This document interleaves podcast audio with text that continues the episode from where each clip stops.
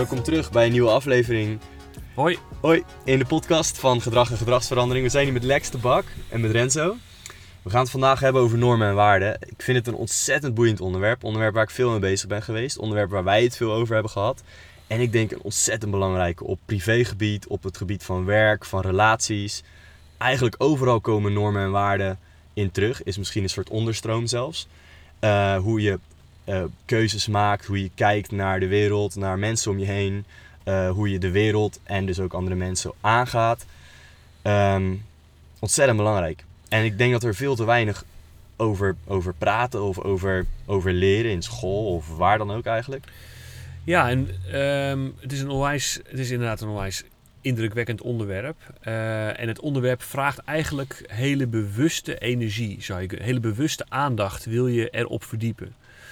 Um, uh, er was laatst een, een, onderzoek dat ik las waarbij je uh, terugziet dat de meeste ruzies tussen mensen, ook in relaties, eigenlijk gaan over hele praktische dingen, zoals wie ruimt de afwasmachine uit.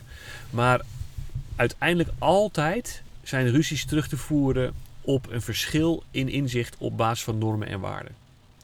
Dus, um, wat normen, dus normen en waarden blijken onze motor te zijn achter ons handelingsperspectief, zeg maar. De uitspraken die ik doe, vertrekken vanuit normen en waarden. De dingen die ik doe of de dingen die ik niet doe, vertrekken vanuit normen en waarden. En uh, dat hebben we allemaal geleerd tussen geboorte en vandaag. Het probleem is alleen, het is onbewust aangeleerd. En er zijn mensen die nog niet eens zelf stevig hun eigen normen en waarden zozeer kunnen benoemen. Dat is helemaal niet erg. Alleen als je je voorstelt dat je ruzie maakt over af afwasmachine. Terwijl misschien de onderliggende pijler van die ruzie is normen en waarden. Is het best wel handig dat je normen en waarden onder woorden weet te brengen. En dat je je eigen normen en waarden kent. En als je merkt dat je bepaalde waarden niet hebt ontwikkeld. Of een bepaalde norm hebt die niet werkt voor je omgeving. Dan is het misschien goed om daar iets aan te doen. Of daar anders naar te kijken.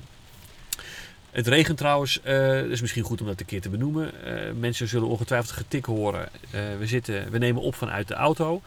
Dat is uh, veruit de, de beste akoestiek in een kleine ruimte die je op kunt zoeken. En mensen horen dus als getikt, dat betekent niet dat jij met een typemachine bezig bent op dit moment, maar dat we dus uh, romantisch. romantisch in de regen zitten. Um, maar, so, op jou, op jou, ja. sorry, even, dus op jouw vraag, waarom hebben we het hier te weinig over? Omdat het iets is wat je oppikt tussen geboorte en vandaag. Ergens onderweg opgepikt hebt. En we niet, je hebt niet een soort magisch moment. Hè? 18 jaar ben je volwassen. Uh, hier is je rijbewijs, hier is hij. En heb je een soort uh, token. Er is geen overdrachtsmoment waarop je uh, kwalificeert voor het hebben van no normen en waarden. Ze zijn er, waardoor we soms gewoon simpelweg vergeten of er niet aan denken om met elkaar te discussiëren over normen en waarden. Het interessante is, als je verdiept in normen en waarden, begin je veel meer de logica te begrijpen van de ander. Ja, en misschien voor jezelf, voor je eigen handelen. Om bij het begin te beginnen, wat zijn normen en waarden? Ja, um, er is volgens mij niet echt een definitie precies van normen en waarden. Maar hoe ik er zelf naar kijk, is dat uh, ik denk dat in de basis het belangrijkste fundament zijn waarden. En, en waarden zijn dingen die uh, niet heel duidelijk een kop en een staart hebben. Niet heel duidelijk op te wijzen zijn van dit is precies waar ik van ben. Maar waarden zijn een soort van, ja toch een soort van diffuse motor van waaruit je je keuzes maakt. Um, waarden zijn bijvoorbeeld, ik wil altijd authentiek zijn. Hey, dat is een waarde. Dat is iets wat je belangrijk vindt. Dat is iets wat je belangrijk vindt. Um, normen zijn in feite, uh, denk ik, althans zelf te zien. Normen zijn dingen waar je op kan wijzen en kan zeggen van dit is een concreet iets. Dus als mijn waarde is authenticiteit, dan kun je mij aan de norm houden dat ik mij ook open uitspreek als ik een gesprek heb. Dus de norm is eerlijk praten, als voorbeeld. De waarde is authenticiteit. Al, uh, omgaan, op, een, op een goede manier omgaan met het geld van een ander bijvoorbeeld, is ook een vorm van authenticiteit. Dus de norm is uh, goed omgaan met, of uh, eerlijk omgaan met geld. Dat is bijvoorbeeld een norm. Um, net zoals dat je oprechte mening geven en mensen het hele verhaal vertellen ook een norm is. Ik normeer mezelf. Dat is de baseline. Dat is waar ik niet onder zak. Dat is een duidelijke lat waar je naar kan wijzen en kan zeggen: dat is mijn norm. Ja. En een waarde is denk ik meer dus die diffuse motor. eh, en het hoeven er maar een paar te zijn. eh, een paar waarden waarop je eh, duizend normen kunt eh, ontwikkelen. Juist. Dus zou bijvoorbeeld kunnen zijn, mijn waarde is respect. Dat vind ik belangrijk. Mijn normen zijn dat ik iemand aankijk. Dat ik niet, eh, niet boer tijdens het eten. dat ik mensen bedank en, en eerlijk ben, oprecht ben. Zulke dingen. Ja, klopt. Dus, dus, dus we krijgen vaak Of oprecht no- handel. Ja, We, sorry. krij- we krijgen vaak normen aangeleerd ook vanuit onze ouders. Hè. Dit is hoe we het doen. Hè, dus niet boeren tijdens het eten is iets wat je letterlijk leert als kind. Dat is de norm. De vraag is natuurlijk alleen wel of je waarden ontwikkelt in je leven die ook die, die, eh, dat niet boeren steunen. Dus valt onder mijn waarde van respect, ook in mijn volwassen leven, valt onder mijn waarde van respect ook niet boeren aan tafel. Of, zoals ik dan zelf doe, zegt mijn moeder: je bent niet, Zo heb ik je niet opgevoed. Ja. Of mijn vader: zo heb, je, zo heb ik je niet opgevoed. Klopt, ik heb jouw norm, ma of pa, blijkbaar losgelaten. Ja, maar dat is niet netjes. Ja, maar ik denk dat ik wel een aantal waarden heb. die wel netheid met zich meebrengen, alleen niet op jouw genormeerde manier. Ja. ja, dit is een heel leuk voorbeeld. Ik weet, ik denk dat jij drie of vier jaar geleden ben je naar China gegaan. En eh, daar is boeren aan tafel heel gebruikelijk. Klopt. Dus dan zou je kunnen zeggen dat boeren juist, dus dat iedereen daar ook de respect heeft, eh, sorry, eh, respect als waarde heeft. En ik zeg nu even respect, misschien is dat niet helemaal het juiste. Nou, in Japan zelfs. Is Juist. het- is, in Japan komt boeren nog meer in het, in de, in de, in het domein van respect. ja. Als je eh, boert, dan heb je juist eh, verteld dat het eten goed is en Ja. lekker is. Ja. En ik denk dat dat een leuk, dus de norm kan ook anders zijn, weer eh, in, in contrast met je omgeving of, of nou, misschien wat je zelf individu- individueel hebt meegemaakt of hebt ervaren. Ja, dus, dus een Japanner zou bijvoorbeeld kunnen zeggen: Ik heb ook als waarde respect. Daarom boer ik aan tafel. Ja, En een Nederlander zou kunnen zeggen: eh, Ik heb als waarde respect. Daarom boer ik niet aan tafel. De, de norm is: in Japan boer je. In, in Nederland boer je niet. Dat is de norm. Ook cultureel bepaald.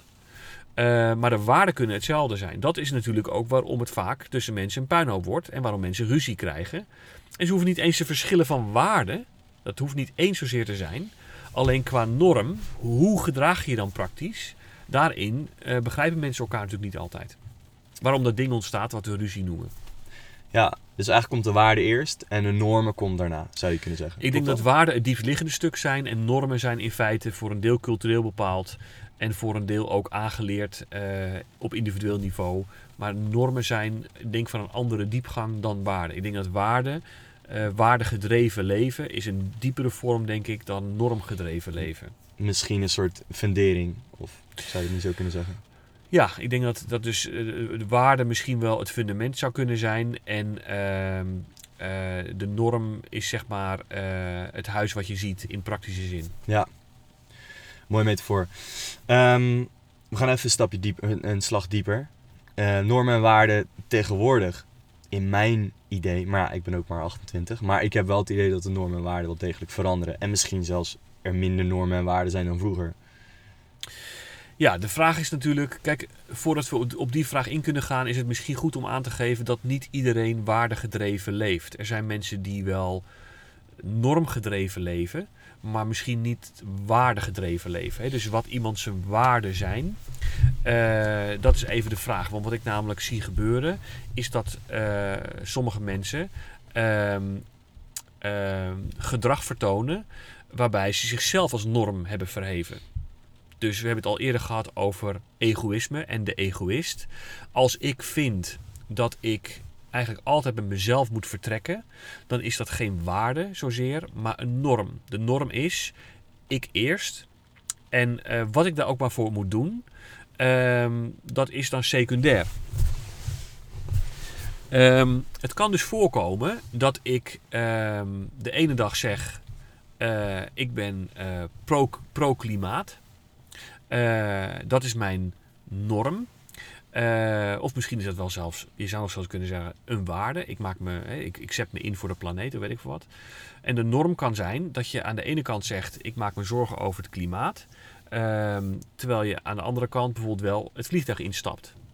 Dus je ziet dat dan ehm, de norm is eh, de dingen die ik doe, eh, doe ik vanwege een beter klimaat. Of althans, ik probeer mee te denken over beter klimaat. En aan de andere kant, maar als de norm is, als ik daarvoor mijn norm moet bijstellen, omdat ik namelijk graag toch ja, naar een andere plek vlieg voor een vakantie, dan doe ik dat. Dus de norm is niet zozeer eh, het klimaat eigenlijk, als je goed kijkt. De norm is, ik doe eigenlijk gewoon waar ik zelf zin in heb. En dat zijn die norm van ik eerst, dat geldt voor denk ik een behoorlijke groep mensen. Ehm, en ik doe ook inconsistente dingen die helemaal niet logisch zijn. Ik breng ze wel als norm. Of ik, ik vertel dat ze van waarde zijn, maar ik gedraag me er niet naar. Dan zie je eigenlijk dat mensen in hun waarden en normen eh, beperkt ontwikkeld zijn. Omdat ze in feite anything goes. Het maakt niet zozeer uit wat ik moet doen. Het belangrijkste is dat het ten faveur komt van mijzelf. Uh, dus um, of normen en waarden altijd ontwikkeld zijn, uh, is even de vraag. Uh, op, op heel veel terreinen. Er zijn dus mensen, denk ik, die ja, een vrij smalle norm hanteren. Namelijk, ja, ik moet er zelf beter van worden. Uh, en dat is niet, denk ik, een waardegedreven leven. Dat is meer een soort een, een genormeerd, een, een norm die je in feite van waaruit je vertrekt. En hoe komt dat? Nou, omdat namelijk uh, waardegedreven leven betekent dat je ook dingen moet doen die niet bij je passen. Als ik een boer moet laten en ik ben in Nederland in een restaurant, heb ik me aan te passen. Dus als ik de waarde respect aanhang, en uh, dan zal ik me ook tot een vaste norm moeten verhouden.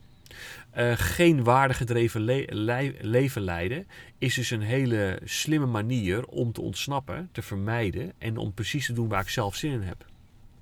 Dus um, niet iedereen heeft er belang bij om waardegedreven te leven, omdat waardegedreven leven, als je het dan hebt over authenticiteit of over respect um, of over uh, vanuit vertrouwen werken, dat kost heel veel energie.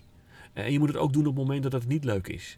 En je moet, uh, je moet Juist dan vaak, denk ik zelfs. Dan komt het erop aan.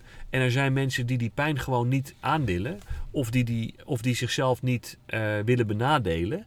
En die dus vanuit dat perspectief niet waardegedreven dingen doen consistent, ook als het lastig wordt. Maar in feite wegschieten als het lastig wordt. Dus zichzelf als norm hanteren. En niet zozeer bepaalde waarden die gelden voor anderen dan henzelf. Ja. Ja, je ziet uh, in ieder geval wat ik zie in mijn omgeving, dat heel veel ook verbloemd wordt onder, ja, maar het voelt goed. En ik volg mijn gevoel en, en daardoor kan je eigenlijk al je normen en waarden misschien overboord gooien. Dat dat een soort van vermijdingsstrategie is, zou je kunnen zeggen. Ja, ik denk dat als, je, als er één slimme manier is om in feite altijd bij jezelf uit te willen komen, dan kun je dat subjectieve ding, dat gevoel heet. We hebben het gehad over uh, emoties, gevoel en ratio in aflevering 5. Als jij gevoel iedere keer naar voren schuift om te verklaren wat je doet, en dus ook niet aan een norm gehouden kan worden, en ook niet vanuit bepaalde waarden werkt. Je kunt zeggen, ja, mijn gevoel is van waarde. En daarom doe ik alleen maar wat waar ik me goed bij voel ja, dat is een, een, hele leuke verbale manier van jezelf profileren. Maar het is niet waardegedreven leven. Het is gewoon uiteindelijk gewoon vermijden ontsnappen aan verantwoordelijkheid. Omdat je namelijk uiteindelijk je gewoon niet aan wil passen. Alleen dat chic noemt. Ja, en als mijn uh, waarde vrijheid is. Dit is eigenlijk wel een leuke, denk ik. Uh, want daar kan ik natuurlijk heel veel normen uh, aan hangen. Ja. Die mij misschien wel ten goede komen. Ja. Misschien ook niet altijd, maar in principe kan ik zeggen: ja, ik vind mijn vrijheid heel belangrijk. En daarom heb ik eigenlijk aan iedereen. Er zijn zeker woorden te verzinnen die je waarde kunt noemen waarmee je alle kanten uit kan. En als vrijheid inderdaad uh, uh, een woord is wat men als, uh, als waarde gebruikt, dan kun, je, dan kun je inderdaad alle kanten ermee op. Dus als je behoefte hebt om voortdurend te ontsnappen en te vermijden aan je omgeving en andere mensen, om je aan te passen als je voortdurend op zoek bent naar doen waar je zelf zin in hebt, dan zijn daar woorden voor. Tuurlijk, en je kunt ze zelfs waarde noemen. Ik denk alleen niet dat het waardegedreven is. Want waar, wat is de toetssteen wat mij betreft van waarde? Dat je dingen doet die moeilijk zijn. Uh, uh, ook als het dus... Uh, dus je doet een uitspraak over wie je wil zijn en waar je voor staat. Waarden zijn uiteindelijk natuurlijk dingen waar je voor staat. Eh, en die dingen doe je ook als het moeilijk wordt. En wat ik mensen zie doen, is dat ze praten over dingen eh, waar ze voor staan, totdat het moeilijk wordt. Want dan wordt het opeens weer iets anders. En dan is het dus niet een waardegedreven leven. Dan is het gewoon een cafetaria-model. Waarin je gewoon ja, lekker pakt wat je pakken kan. En lekker woorden daarbij verzint. En uh, er zijn mensen heel vaardig in vermijden en ontsnappen. Gevoel. Hè, ik, ik, blijf bij mijn gevoel. Ja, daar kan natuurlijk aan de ene kant niemand het tegen hebben. Maar aan de andere kant kun je er helemaal niets mee. Dus in feite een loze opmerking, denk ik. En, een andere, en het, het andere perspectief is... Uh, ja, ik, uh, mijn waarde is vrijheid. Dus ja, ik doe eigenlijk gewoon precies waar ik... Daar gaan we weer. Zelf zin in heb. Ja. En wat is dan ethisch? Ik vraag, ik, dit is een dingetje waarvan ik denk van oké, misschien is dat binnen, verschilt dat weer binnen een cultuur. Nou is bijvoorbeeld niet stelen, even een hele simpele, is, is, is ethisch. Zou je kunnen zeggen toch? Wat is, wat is ethiek? Wanneer, wanneer, je, wanneer handel je ethisch? Wanneer weet ja. je van ik heb goede normen en waarden? Om het even zo te zeggen. Ja, ik, ik weet niet of, of ethiek alleen maar gaat over jezelf, of dat ethiek misschien wel juist gaat over gedeelde waarden in een samenleving. Dus ik kom zelf uh, uit de gezondheidszorg van oorsprong en daar is, zijn ethische dilemma's natuurlijk uh, heel erg uh, aan de orde. Hè? Dus gaan we 300.000 euro aan medicijnen uitgeven om een leven een jaar te verlengen van iemand? Dat is een ethisch vraagstuk. En zo'n vraagstuk behandel je vanuit ja, in feite de waarden die je als samenleving. Er wordt ook heel vaak in groepsverband over dit soort vraagstukken gesproken. Want je moet met elkaar afstemmen om de ethische vraag te kunnen beantwoorden. Wat zijn nou de waarden van waaruit we vertrekken? Is de waarde het beperken van zorgkosten? Of is de waarde het verlengen van een leven, ongeacht alle kosten? Uh, dus ik denk dat ethiek gaat over uh, het zoeken naar gedeelde waarden. En op basis daarvan kijken wat, uh, ja, hoe we met onze samenleving omgaan. Ethisch, hè, dus mensen die uiteindelijk voor zichzelf kiezen. En die dus in de voorbeelden die we net aanreikten, uiteindelijk alleen maar op zoek zijn naar hun eigen norm. Hè, dus zichzelf als vertrekpunt hebben. Die handelen wat mij betreft niet ethisch.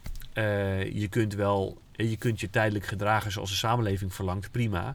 Maar omdat het toevallig in lijn ligt met je eigen belangen.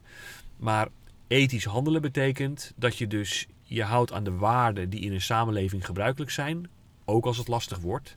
En we hebben daar dus ook soms discussie over nodig om te bepalen wat ethisch precies dan is in een con concreet voorbeeld. Maar dat het niet ethisch is om te stelen, dat weten we. Die toch, zie ik, toch, ja. toch zie ik mensen stelen. Uh, om, dat het niet ethisch is om te liegen, zijn we lang met elkaar eens. Uh, daar hoeven we geen discussie over te voeren. Uh, toch zie ik mensen liegen. En dat het niet ethisch is om mensen te kleineren, omdat je ze daarmee schade berokkent. Uh, dat staat vast, maar toch zie ik mensen kleineren.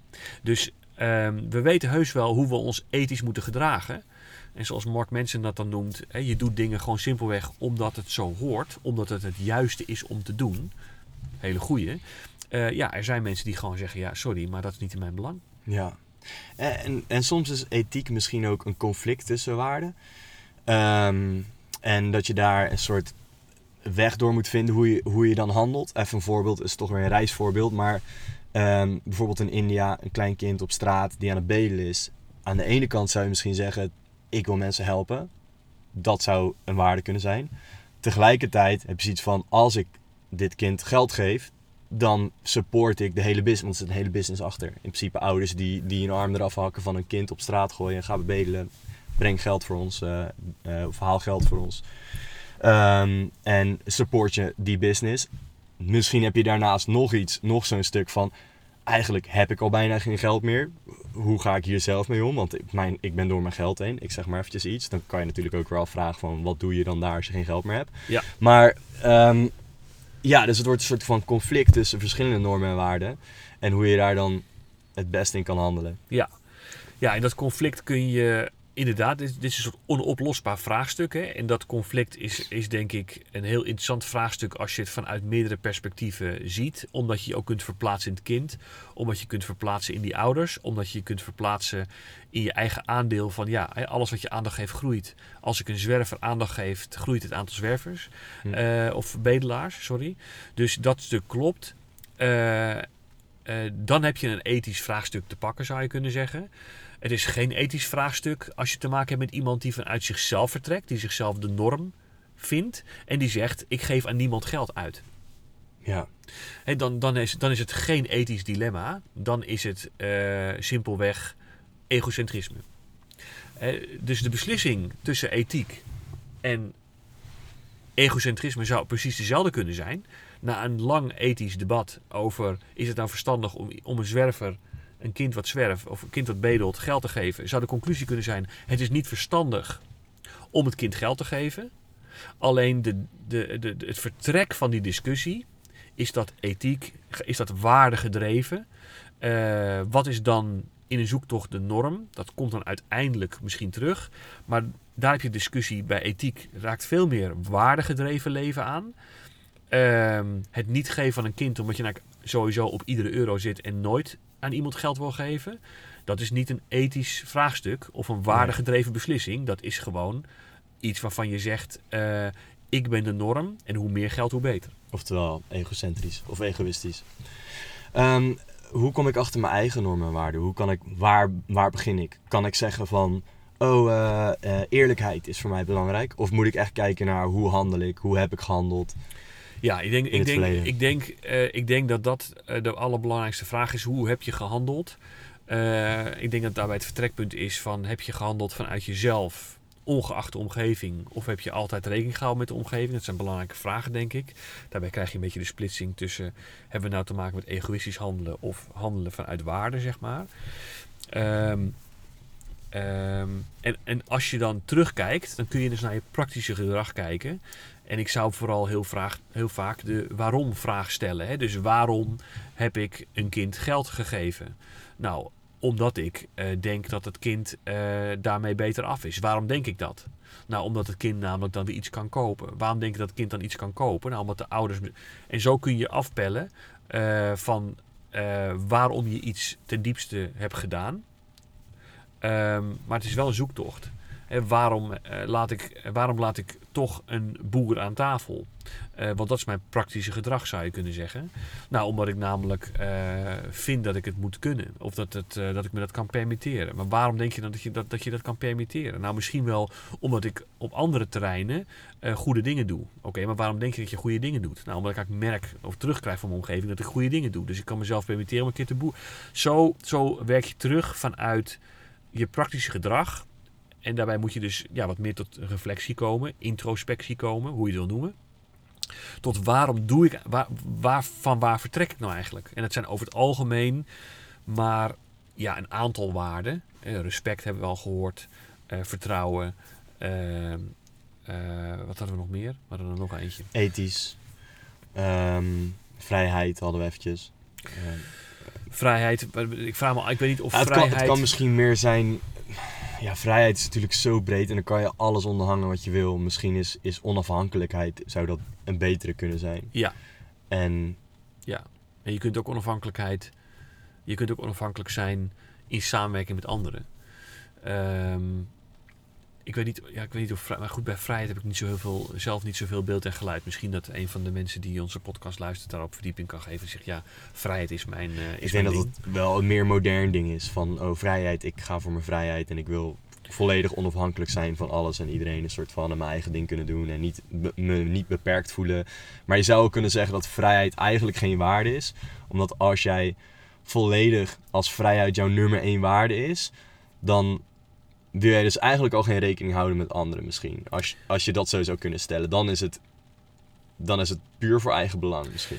Ja, en dan klinkt dus die vrijheid. Hè, eh, misschien misschien is, het wel, is het wel heel helpend om het vrijheid te noemen. Maar het is niet waar dat, dat je altijd bij vrijheid eh, van vrijheid uit kunt gaan. Omdat namelijk eh, je simpelweg verantwoordelijkheid hebt. De V van verantwoordelijkheid tussen mensen onderling is er altijd. Dus ik kan niet zeggen dat ik altijd eh, vrij ben om te gaan, te staan waar ik wil en te doen en laten wat ik wil. Als ik ook in verbinding, als ik in echte verbinding wil staan met andere mensen. Er kan aan mij gevraagd worden om tijdelijk mantelzorger te zijn. Eh, iemand kan opeens mijn hulp nodig hebben. Of een vriend kan opeens zeggen van ik heb iets nodig. Of eh, een partner of een gezinslid of wat dan ook. Je kunt niet zeggen ik ben altijd vrij.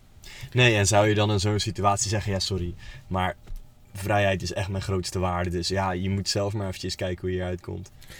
Die mate van eh, eh, egocentrisme, eh, daar staat ver van mij af. Maar ik, ik kan me voorstellen dat mensen het op die manier dichtleggen. Ja, Misschien wel een extreem voorbeeld, maar ja maar je, Ja. Kunt, je kunt natuurlijk waarden verzinnen, waardoor je jezelf weer kunt kwijten van enige vorm van verantwoordelijkheid.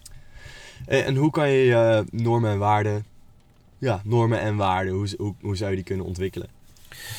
Ja, ik denk dat het vooral een belangrijke vraag is van of er überhaupt waarden zijn ontwikkeld. Hè? Heb je jezelf als norm gesteld? Dan ben je misschien niet afgedaald in het, op het niveau van waarde.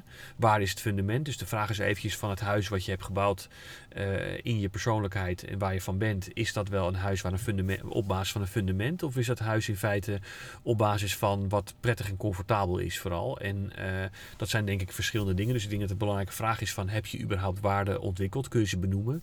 En er zijn mensen die eh, nog niet hun waarde hebben benoemd, maar ook niet in feite hebben ontwikkeld, omdat ze in de norm zijn blijven hangen van ja, ik, ga, ik vertrek bij mezelf. Je, je kunt dus nadenken met die, met die, met die hoe-vraag of die kun je dus nadenken over waarom vertrek ik zoals ik doe als mens. En eh, dat kan tot de conclusie leiden, ik vertrek altijd vanuit mezelf, blijkt. En ik doe eigenlijk alleen maar dingen als ze me uitkomen. Ehm, het kan ook zijn dat je doorhebt dat, je, dat er een soort motor achter je handelen zit. En dan is het leuk om, en ook zinnig denk ik, om na te denken over wat die motor is. Waarom is het handig? Nou, het is leuk om je eigen gedrag te kunnen verklaren. Maar het is vooral heel interessant voor je omgeving. Als je kunt uitleggen waar je van bent. Eh, hè, want eigen waarde, eh, ik vind zelf respect is bij mij een diepliggende waarde. En eh, authenticiteit is een diepliggende waarde. Ehm, ja, als mensen daar afbreuk aan doen, dan grijpen ze heel diep in op wie ik, eh, waar ik mee geconfronteerd wil worden. Dus mijn handelen komt ook voort uit, uit soms uit een gebrek aan respect of een gebrek aan authenticiteit.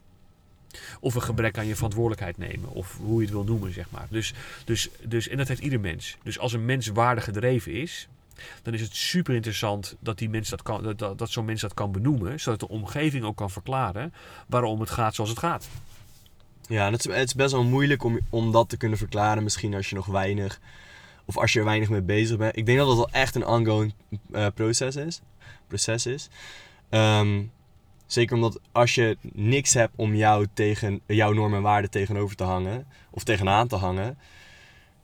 Even een voorbeeld. Bijvoorbeeld, ik kom, eh, ik ben 18 jaar en ik ga net mijn eerste relatie in. Dan handel ik misschien op basis van wat ik al weet en heb gezien. Dus de relatie misschien van mijn ouders.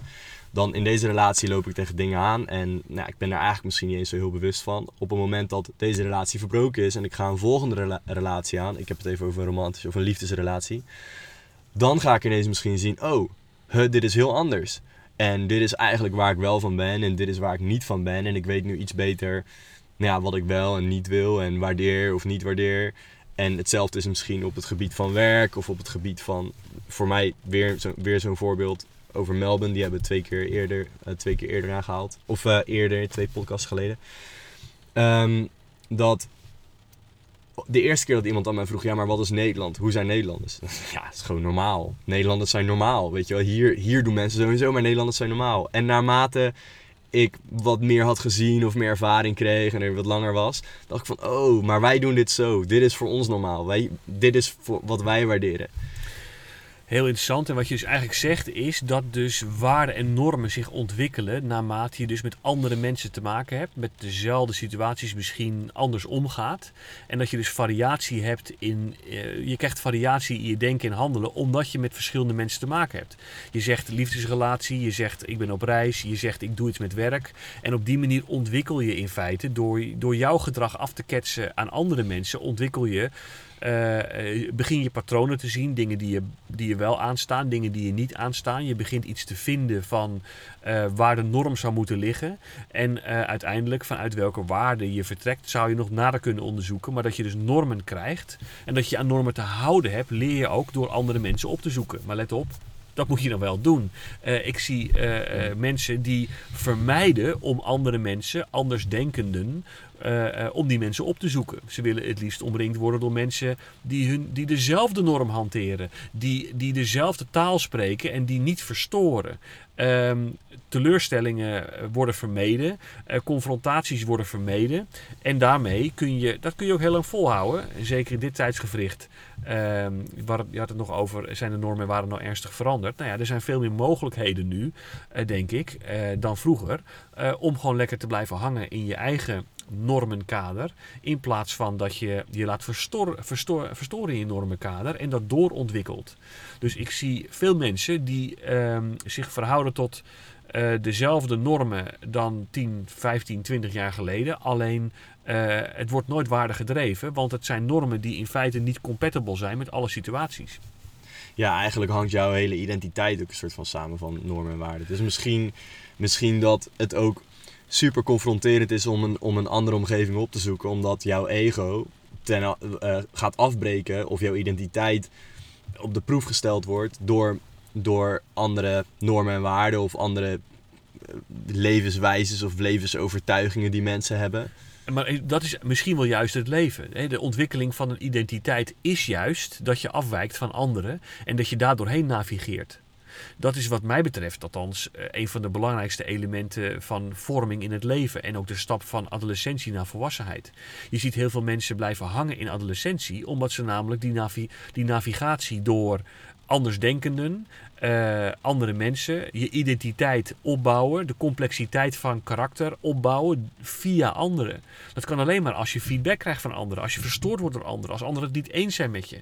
En dus als je normen op de proef gesteld worden en je wordt gevraagd om je norm toch nog eens een keer onder de... Ik kom nooit op tijd op mijn werk. Nou, ik zou die norm toch maar eens eventjes opnieuw onder de, onder de loep leggen als ik jou was. Want we, we doen dingen toch echt anders hier.